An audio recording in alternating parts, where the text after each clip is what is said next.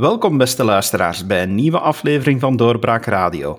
Ik ben uw gastheer David Geens en mijn gasten vandaag, ik zit er inderdaad met twee in de studio, in onze virtuele studio, zijn Maaike de Vreese en Axel Ronse, beide Vlaams parlementslid voor NVA. Welkom, mevrouw en meneer. Bedankt, eh, we kijken er naar uit. Dankjewel, David. Uh, het is een eer om hier te mogen zijn. Het is fantastisch dat jullie de tijd hebben vrijgemaakt voor doorbraak, omdat ik met jullie toch wou hebben over iets wat uh, enorm de aandacht begint op te eisen, en dat is de economie uh, onder corona. En jullie hebben heel veel aandacht en uh, energie al gestoken in een aantal voorstellen. En ik wil eerst beginnen met alles wat te maken heeft met de tijdelijke werkloosheid um, als steunmaatregel in deze coronaperiode. En dan kijk ik naar u, meneer Ronsen. Eh, die economie, die doet het in Vlaanderen natuurlijk uh, nog behoorlijk, maar krijgt toch klappen door corona. Eh, is er al zicht over, over hoeveel banen bedreigd wordt? Er zijn verschillende prognoses over het aantal banen die bedreigd worden. Je weet dat wij exact een jaar geleden nog in een hoogconjunctuur zaten. Onze economie groeide aan. Uh, nu zitten we eigenlijk in een uh, ja, tegenovergestelde situatie. Uh, er wordt een enorme golf van faillissementen verwacht. de prognoses over het jobverlies zijn echt schrijnend. Hè. Dat gaat van 100.000 jobs tot mogelijk zelf het dubbele die zal verloren gaan. Om dan nog niet te spreken van ondernemers die failliet gaan of failliet zullen gaan en ook zelf een uh, nieuw professioneel perspectief uh, zullen moeten zoeken. Dus op dat vlak oogt de toekomst er allerminst rooskleurig uit. Tijdelijke werkloosheid is inderdaad een, een, maatregel die men nu heeft ingevoerd. Mevrouw de Vrezen, hoe, hoe, gebruikt men dat nu eigenlijk? Wordt dat, wordt dat veel gebruikt? Het is inderdaad wel een maatregel die nu tijdens de coronacrisis uh, zeer belangrijk geweest is voor onze ondernemingen om werknemers op tijdelijke werkloosheid te zetten. Ehm, in september waren dat ongeveer 130.000 mensen, wat dat toch niet min is, die in tijdelijke werkloosheid geplaatst werden. En daar zien we toch dat we ook naar die tijdelijke werkloosheid, door de proporties dat dat heeft aangenomen, dat wij, dat wij daar met een andere blik naartoe kijken. En daaromtrent hebben Axel Ronsa en ik toch heel wat studiewerk gedaan, Axel zeker en vast, om te kijken naar het Nederlands model waar men toch veel meer uitgaat van een activering eh, bij mensen die in tijdelijke werkloosheid worden geplaatst. Um, nu zien we ook al dat er een zeer belangrijke rol is weggelegd uh, om, uh, bij de VDAB om mensen te gaan begeleiden, te gaan heroriënteren naar sectoren waar er op dit moment wel nog een grote nood is aan werknemers. denk maar aan initiatieven als Help de Helpers of Help in de Zorg, maar ook aan de arbeiders in de land- en tuinbouw.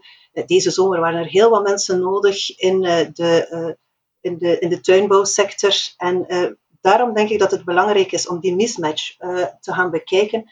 Waar zijn er mensen die tijdelijk werkloos zijn? En hoe kunnen we die toch gaan inzetten op onze arbeidsmarkt? Want we mogen niet vergeten dat ook voor die mensen in tijdelijke werkloosheid een deel van hun loon ervan afgaat, uh, dat ook zij het moeilijk hebben om hun facturen te blijven betalen. Dus dat dat eigenlijk een win-win is om die actiever te gaan inzetten. Eén, uh, naar opleidingen toe, om naar de toekomst voor het bedrijf een meerwaarde te zijn. twee, heroriëntering naar een andere sector, zodat ook de overheid die kost niet moet gaan betalen. Dus dat is zowel voor werkgever, werknemer als voor de overheid natuurlijk, die dan die kost van die tijdelijke werkloosheid niet moet dragen. Als ze ergens anders uh, aan het werk gaan, is dat eigenlijk een win-win. Dus dat is iets dat wij bekeken hebben in het parlement en waarvoor dat wij hard aan de kar trekken. Een serieus werk die voor de boeg staat om op, op een andere manier met die tijdelijke werkloosheid om te gaan. Meneer Ronse, ik lees dat het momenteel gaat over één op de drie werknemers uit de private sector die tijdelijk werkloos zijn. Dus we praten hier niet over kleine aantallen. Dus het is logisch dat er, dat er gekeken wordt hoe dat we best die mensen helpen. Uh, en zoals mevrouw de Vrezen net zegt, er zijn dan sectoren anderzijds waar enorm veel vacatures blijven, blijven openstaan. Wat, wat zijn uw ideeën dan om die, die mismatch beter aan te pakken? Maar eerst en vooral is het een verhaal van gezond verstand. Uh, De federale overheid betaalt 70% van de wedden uh, van mensen die op vandaag tijdelijk werkloos zijn. Het is eigenlijk onze uh, overtuiging in Vlaanderen, de Vlaamse overheid met de VDAB, die steken heel veel geld in het proberen verleiden van die mensen om een opleiding te volgen, om ergens een stage te gaan doen, of om, zoals Maaike zei, uh, elders uh, te gaan werken waar er wel op dit moment nog heel veel handen nodig zijn. wat hebben we gezien?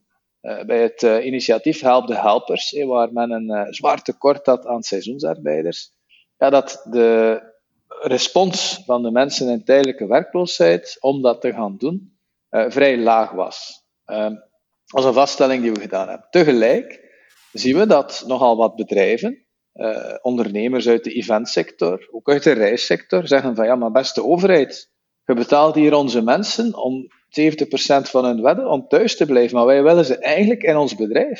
Het is nooit onze keuze geweest om geen omzet te hebben. Het is u die ons heeft gesloten. Het is u die ons verbiedt om dingen niet meer te mogen doen. Geef ons een loonsubsidie, waardoor, wij, waardoor dat wij die mensen nog in dienst kunnen houden zodanig dat ze één niet gaan vertrekken.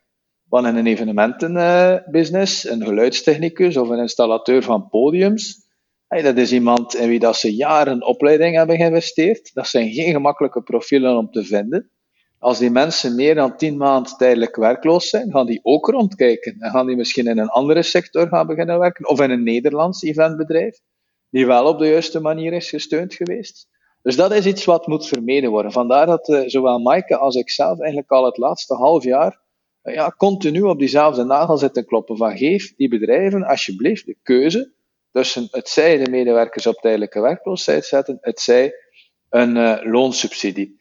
Die mismatch aanpakken op de arbeidsmarkt, het, de vaststelling dat je enerzijds op een bepaald moment zaten we met 400.000 tijdelijk werklozen in Vlaanderen. In België 400.000 uh, enerzijds veel tijdelijk werklozen hebt en anderzijds een aantal sectoren die echt nood hebben aan mensen. En dat is een pijnlijke vaststelling. Ik, ik zelf in Kortrijk, wij hebben net Schepencollege gehad vandaag over ons vaccinatiecentrum.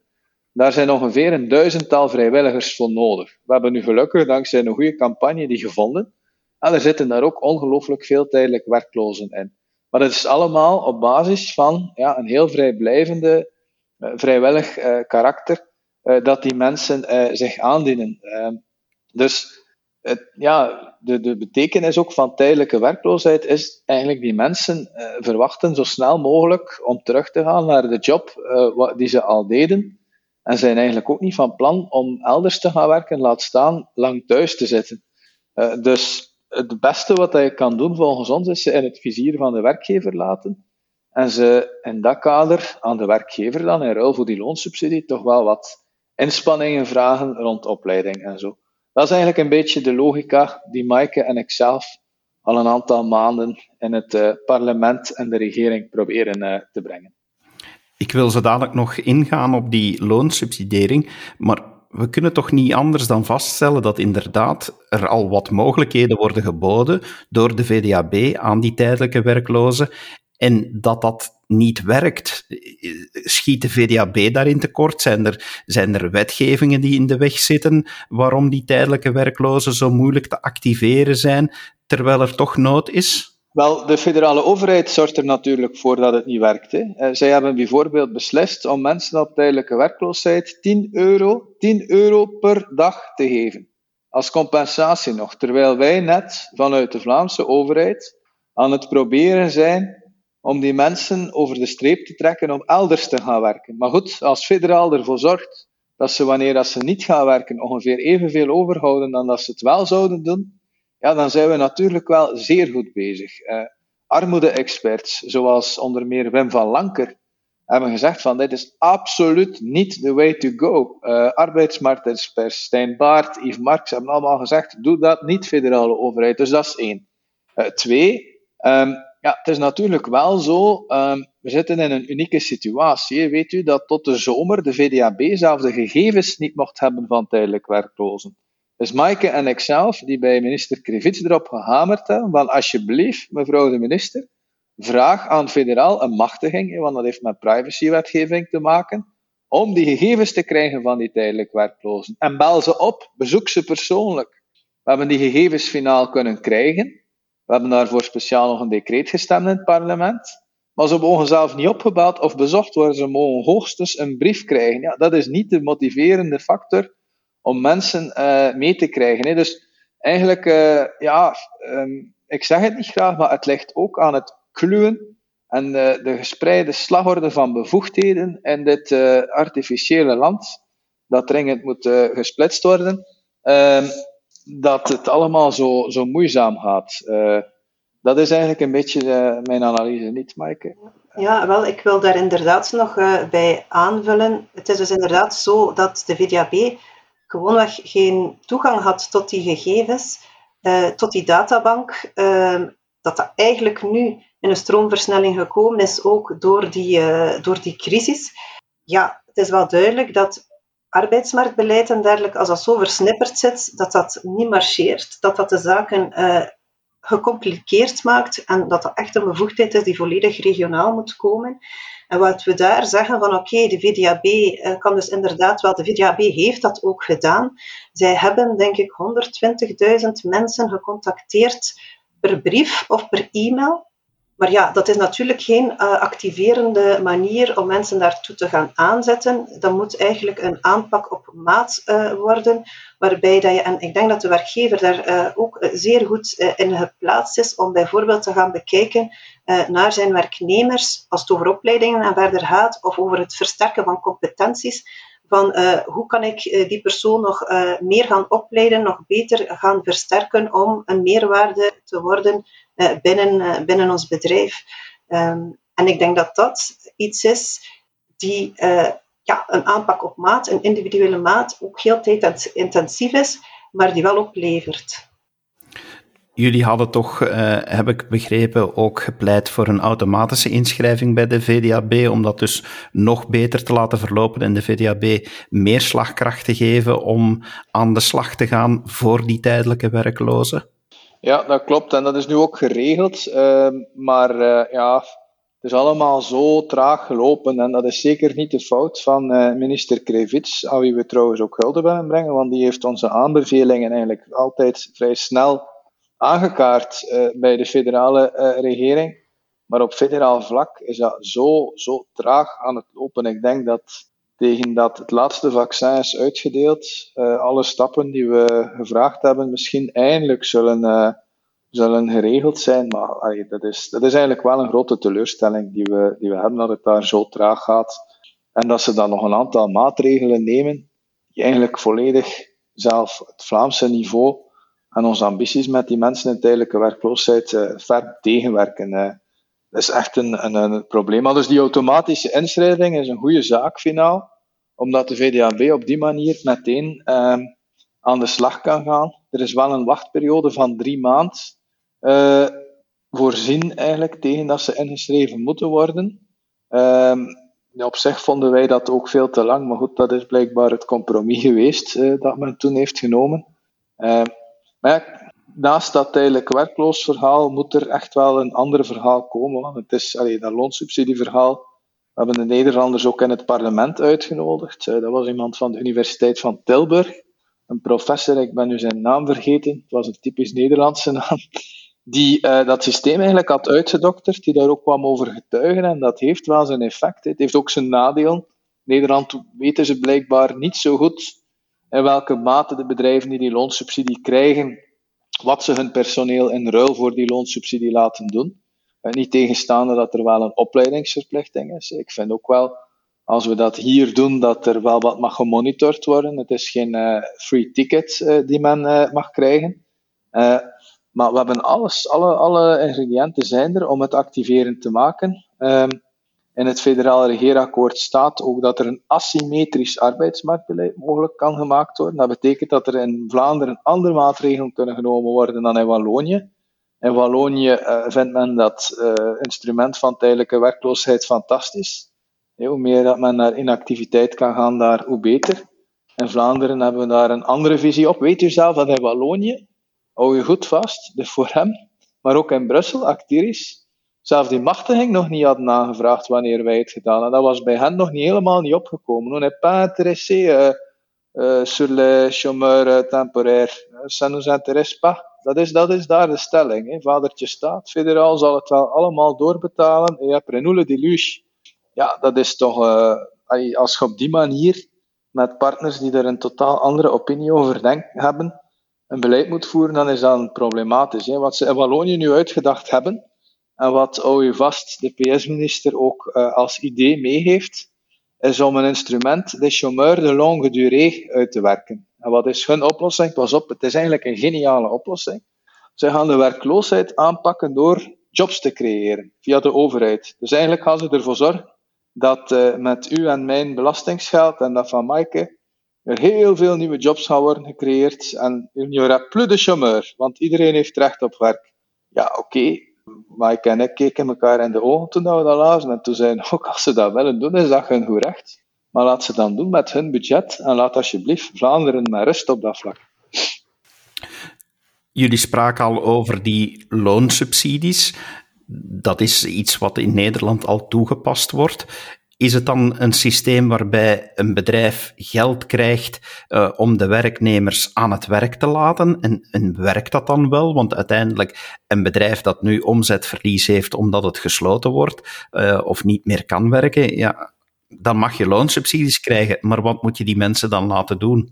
Wel, eh, het, het, het, leuke of het goede aan het Nederlandse systeem is, men werkt telkens met blokken van drie maanden. En om de drie maanden past men het aan. Dus op die manier speelt men toch telkens kort op de bal. En hoe werkt het? Een bedrijf met 100% omzetverlies, eh, bijvoorbeeld een reisbureau, die krijgt 80% loonsubsidie. Een bedrijf met bijvoorbeeld ehm, 20% loonverlies, ja, die gaan 16% uh, eh, loonsubsidie krijgen. Dus uw omzetverlies is eigenlijk de parameter voor de hoogte van die loonsubsidie. Daartegenover staat een opleidingsverplichting. Um, dat is een beetje de Achillespees van het Nederlandse systeem. In welke mate wordt die opleidingsverplichting echt, of inspanningsverplichting tot opleiding echt nagekomen? En we hebben dat in de hoorzitting gehoord van die prof. Daar, kan, daar is er wel wat verbetering op. Ik denk dat we dat hier in Vlaanderen beter kunnen uh, monitoren. Maar evengoed, ja, er zijn wel sectoren die geen omzet meer hebben, maar waar dat er nog werk is. Ik heb net het voorbeeld gegeven van de reissector. Al die omboekingen en zo meer die moeten gebeuren. Uh, evenementensector uh, evenzeer. Uh, Maaike en ikzelf bezoeken elke vrijdag in West-Vlaanderen meerdere ondernemers. We hebben de evenementensector al meermaals bezocht. Ja, die zeggen van gasten, moesten wij die medewerkers nu kunnen hebben, dan zouden wij heel onze atelier op punt kunnen stellen. Dan zouden wij een aantal dingen kunnen doen die al een tijdje aanslepen en nodig zijn. Allee, dus op dat vlak kunnen daar zeker nuttige dingen mee gedaan worden. Ja, het is zo dat bijvoorbeeld um, in de evenementensector um, dat er iemand is komen getuigen, ook in de hoorzitting, uh, mevrouw Vermeijren um, van Sound of Silence. En ik zou iedereen aanraden om haar getuigenis daar te zien. Dat was zeer aangrijpend. Zij was daar ook grote voorstander van, van haar mensen te kunnen uh, blijvend aantrekken en houden. Ook in die sector is het zeer belangrijk. Ze hebben heel wat know-how. Ze zijn bang dat zij de mensen met know-how zouden verliezen nu op dit moment, waardoor dat zij eigenlijk ook uh, concurrentieel op een zwakkere positie uh, komen van bijvoorbeeld de Nederlandse collega's die daar wel op inzetten. Dus ook zij was daar grote voorstander van um, van op deze manier mensen te stimuleren tijdens die tijdelijke werkloosheid bij zich te houden en te betrekken bij het bedrijf. Um, dat was een zeer emotionele um, toespraak, maar zeker en vast ook de moeite om eens te bekijken. Vlaanderen moet het vaak hebben in zijn economie van ja, de grijze massa, de, de, de hersencellen die we aan het werk kunnen zetten. We moeten zorgen dat Vlaanderen een toonaangevende regio blijft in Europa en in de wereld. Zien jullie daar dan mogelijkheden in om, om ja, naar voorbeeld van het Nederlands systeem iets op te zetten, maar het nog te verbeteren door bijvoorbeeld, en ik denk nu gewoon luidop, uh, dat te combineren met andere maatregelen waarbij innovatie een, een belangrijke rol zou kunnen spelen, dat bedrijven de kans krijgen om, om nieuwe dingen te gaan opzetten, om nieuwe dingen te gaan uitproberen in samenwerking met hun werknemers die uh, ja, anders maar nutteloos thuis zouden zitten? Ja, ik, ik vind dat een, uh, wat u suggereert eigenlijk, dat is de kern van de zaak, David. Dat is echt hetgene waar we nu moeten naar kijken. Ehm, wetende dat, ik, ik vind het een heel leuk gezegde, never waste a good crisis.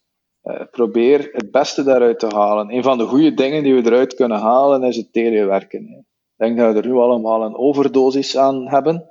Maar ik hoop dat dat een stukje zal blijven doorwerken, want ik merk toch bij heel veel mensen, ook bij mezelf trouwens, dat dat de privé en professionele balans enorm versterkt. Je kunt bij wijze van spreken, in plaats van dat je over de middag in Brussel moest zijn of whatever, kun je een keer over de middag een uur en een half op je koersfiets zitten. Uh, mensen met kindjes hoor ik ook zeggen dat dat toch allemaal, uh, ja, ondanks de, waar Maaike direct op zal tussenkomen, de de, de schattige momenten aan de computer. Uh, maar alleen, je hebt toch meer tijd en mogelijkheden om, om met je familie en je gezin te zijn, terwijl dat je eigenlijk minstens even efficiënt werkt. Dus ik denk, de goede dingen daaruit moeten we zeker uh, overhouden. Het zou zeer jammer zijn als de crisis gedaan is en we gaan direct terug naar de oude traditionele manier van werken. Denk het goede moet overgehouden worden, om op een slimme manier bekijken hoe dat we dat kunnen vanuit Vlaanderen stimuleren. Maar twee, en dat is ook hetgene waar u op wijst, ja, dit is het perfecte moment voor bedrijven, als ze hun werknemers nog in dienst kunnen houden, om eens na te denken, samen met die werknemers. Uh, in, in, Duitsland heeft dat uh, een, een, leuke naam, de gezamtbestemming, eh, of ik weet niet meer hoe dat, mietbestemming, uh, waar eigenlijk het bedrijf als iets van zowel de werknemer als de werkgever wordt gedefinieerd. Dit is het moment om dat te doen samen met de werknemers om na te gaan welke koers willen we gaan, welke marktsegmenten gaan we verder uh, opgaan. Hoe gaan we ons in die markt profileren? Uh, wat zijn mogelijkheden om ons product te verbeteren? Hoe zien onze producten eruit? Um, hoe kunnen we bepaalde processen uh, op onze werkvloer optimaliseren? Hey, dat zijn allemaal dingen die nu perfect zouden kunnen gedaan worden. En wat is er gebeurd? We hebben meer dan, hou je vast, 2 miljard euro al gegeven of gepompt in het puur laten thuiszitten van mensen. En de inspanningen van Krivits om die mensen een opleiding te geven, zijn uitzonderlijk. Hulde daarvoor. Maar we hebben nog maar 30.000 mensen daarmee kunnen bereiken. 30.000, dat is veel. Maar op het totaal aantal mensen is dat peanuts. En zeker op de mogelijkheden die we hadden, eh, zoals ik net opzomde, dat je allemaal zou kunnen doen met je werknemers. Dus dat is eigenlijk wel iets ja, waar Maaike en mezelf toch uh, toch wel wat teleurgesteld in zijn. Maar goed, we zijn uh, doorzetters, uh, vandaar dat we uh, blijven dat pleidooi brengen. En, en we voelen ook dat stap voor stap dat we wel de steentjes in de rivier verlegd krijgen. Hè. Dus die loonsubsidie is er nu voor de reissector. Vorige week vrijdag zou er een ministerraad federaal geweest zijn, waar het verhaal evenementensector ook op op de agenda stond. En loonsubsidie, dat blijft blijkbaar een goed bewaard geheim. We hebben er vandaag nog naar gezocht, maar hebben nog geen beslissing gevonden over loonsubsidie voor evenementensector. Uh, we gaan straks een kaarsje branden. Hopelijk zal er toch iets beslist zijn, of komt er iets in de goede richting. maar ja, dat is eigenlijk. ik, ik denk inderdaad, Axel en David. David, dat is een zeer goede allee, insteek in verband met de inzet op die innovaties. Uh, net zoals Axel zei, het is het moment om na te gaan denken ook over hoe moet onze economie in de toekomst er gaan uitzien. Uh, hoe gaan we daarmee om? Uh, we moeten gaan inzetten op innovatie. En we merken ook dat natuurlijk onze ondernemers dat ook wel inzien. en die vragen ook heel wat innovatiesteun aan. Ik geloof dat de innovatiesteun, dat er een derde meer aanvraag was om innovatiesteun te verkrijgen. Um, dus ja, die opportuniteit moeten we grijpen en ondernemers ook verder inzetten op niet alleen die innovatie, maar ook de verdere ja, digitalisering van, van, een, van een bedrijf. Het is het moment om, om dat te doen. Dat vergt natuurlijk heel wat inspanning, heel wat creativiteit ook van ondernemers, om eens out of the box te gaan denken. Maar laat dat nu eenmaal ook een van de kenmerken zijn van, van veel ondernemers. Hè. Die, die zijn daar zeker vast toe in staat om, om dat ook te doen. En dat hebben we ook tijdens deze crisis gezien. Hè. Mensen die ook zich volledig op nieuwe markten gaan, gaan, gaan richten. Als we dan dit bekijken, moeten we dan niet vaststellen dat we, dat we geblokkeerd worden in wat uh, Vlaanderen wil doen, uh, door het feit van dat dat arbeidsbeleid nog zo steeds versnipperd zit en, en ja, uh, het hele idee van die loonsubsidies, dat is federale materie. Uh, zit, zitten we dan, of zitten jullie dan in het Vlaams parlement ook niet een beetje in het eilen te praten, wetende uh, dat je wel goede ideeën hebt, maar uh, dat het aan anderen is om, om daar uitvoering aan te geven? Ja, dat is zo. vorige week was het bijzonder cynisch. in de plenaire woensdag uh, hadden we dat verhaal van die loonsubsidie aangehaald. En uh, het was een ander dossier over energie ook iets.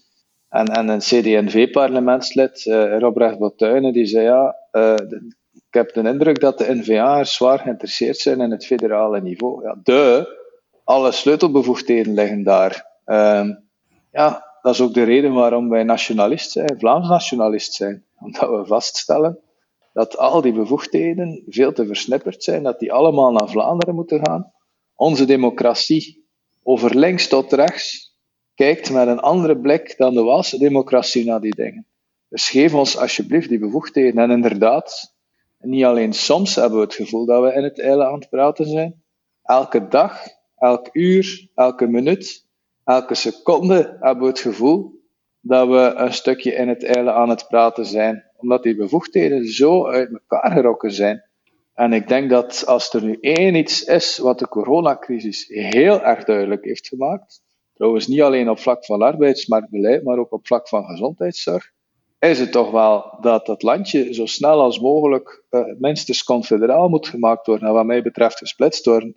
Um, ik denk dat dat, je moet zelf geen romantisch nationalist zijn, om die vaststelling te maken. Puur vanuit economisch of gezondheidsstandpunt uh, is dat de enige logische en juiste keuze die we moeten maken en liever gisteren dan uh, vandaag.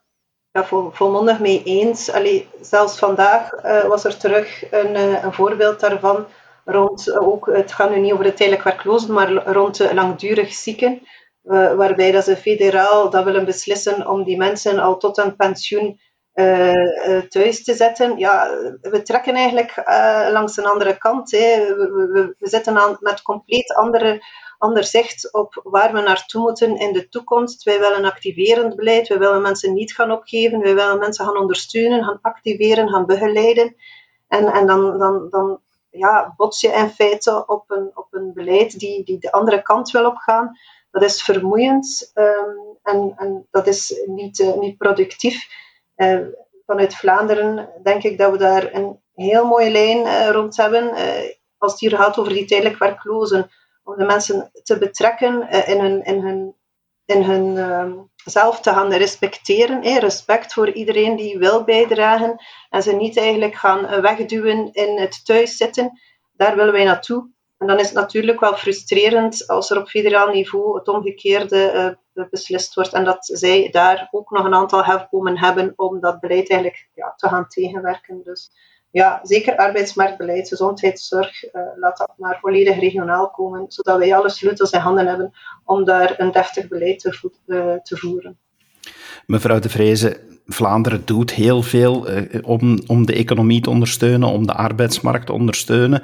Als we nu, uh, want deze crisis duurt nu toch al bijna een jaar, als we nu kijken naar alle maatregelen die er geweest zijn, die er nog zijn, zijn er dan dingen waarvan we kunnen zeggen, dat heeft Vlaanderen goed gedaan, dit hadden we beter kunnen doen en dit zijn ideeën om het beter te doen uh, in de nabije toekomst?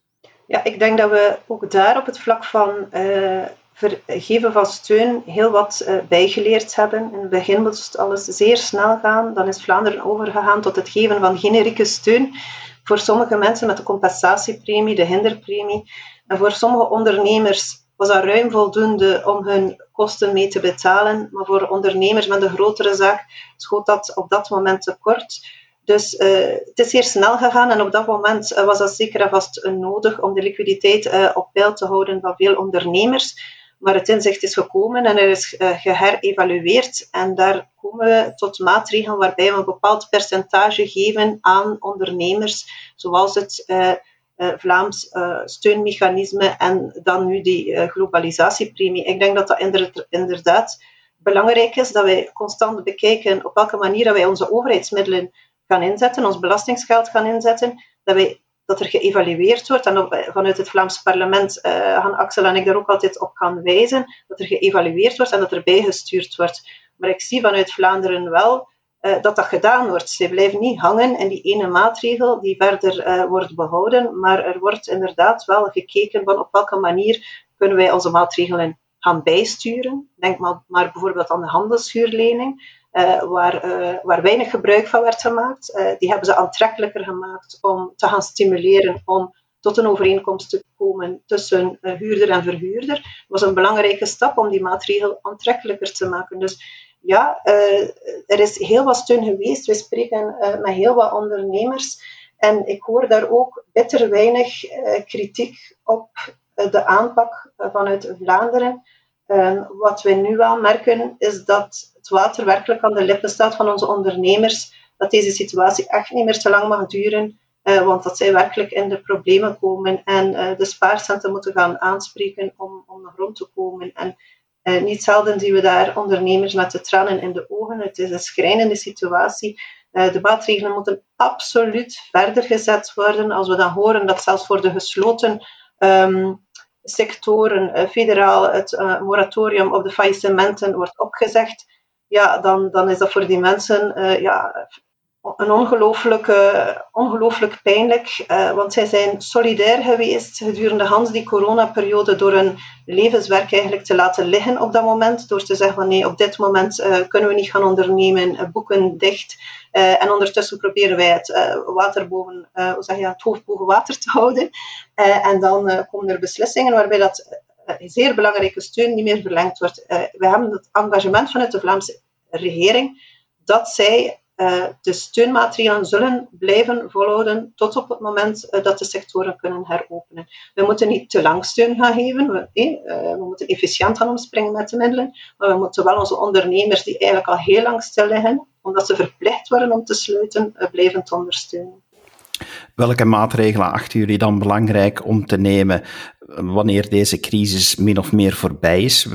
Waarschijnlijk wanneer de, de vaccinatieprogramma's eindelijk uh, deftig gaan lopen. En dat is een andere materie die we vanavond niet zullen belichten. Maar laten we er nu vanuit gaan. Er komt min of meer een einde aan deze crisis welke maatregelen vinden jullie dan belangrijk om de heropstart van de economie, van de Vlaamse economie te bewerkstelligen? Er zijn denk ik uh, twee heel belangrijke maatregelen. Dat is één, het Keniaanse model, waarbij we uh, zelf, is ook wat Obama in 2008 gedaan heeft, om uh, uit de financiële crisis te proberen raken. Dat is een aantal heel gerichte publieke investeringen doen. iedereen zegt dat. De socialisten zeggen dat met iets meer ambitie of nee, met een andere toonaard dan wij dat zeggen. Zij pleiten voor recurrente investeringen, wij voor eenmalige injecties. We geloven daar ook veel meer in. Eenmalige, forse injecties uh, aan, het, uh, aan de economie vanuit de overheid. Ze moeten een stukje de locomotief zijn die een investeringstrein uh, terug op hang trekt. twee, dat is voldoende cashflow voorzien aan bedrijven. Hè. Uh, liefst niet via kapitaalsparticipatie, want dat zou betekenen dat de oorspronkelijke aandeelhouders zouden verwateren. Wat eigenlijk ja, niet zo fair zou aanvoelen, want dat is nooit hun keuze geweest. Maar door het uh, kapitaal aan lage rente uh, ter beschikking te stellen. Ehm, ja, onze banken zijn daar absoluut niet in meegaand. Alexander de Croo heeft in het begin van de crisis, toen hij nog minister van Financiën was, met heel veel ja, bombarderie en banken die aangekondigd. Die blijkt echt een maat voor niets. Dat is vorige week nog heel, heel schrijnend aangebracht geweest. Uh, door iemand uh, aan wie de bank vroeg om de rekening van de kinderen mee en, uh, en te brengen voor de lening. Dat vond ik eigenlijk echt was een van de vulgairste en grofste dingen die ik al gezien heb tijdens de coronacrisis. Maar dus die cashflow van bedrijven, uh, wiens businessmodel eigenlijk wel goed zat voor de crisis en na de crisis ook kan zijn, uh, die moeten we wel, um, die levensader is super belangrijk. En op dat vlak ja, is er toch één iets positiefs. Ik weet niet meer hoeveel, maar het is een astronomisch groot bedrag die nog altijd op de spaarboekjes van de mensen staat.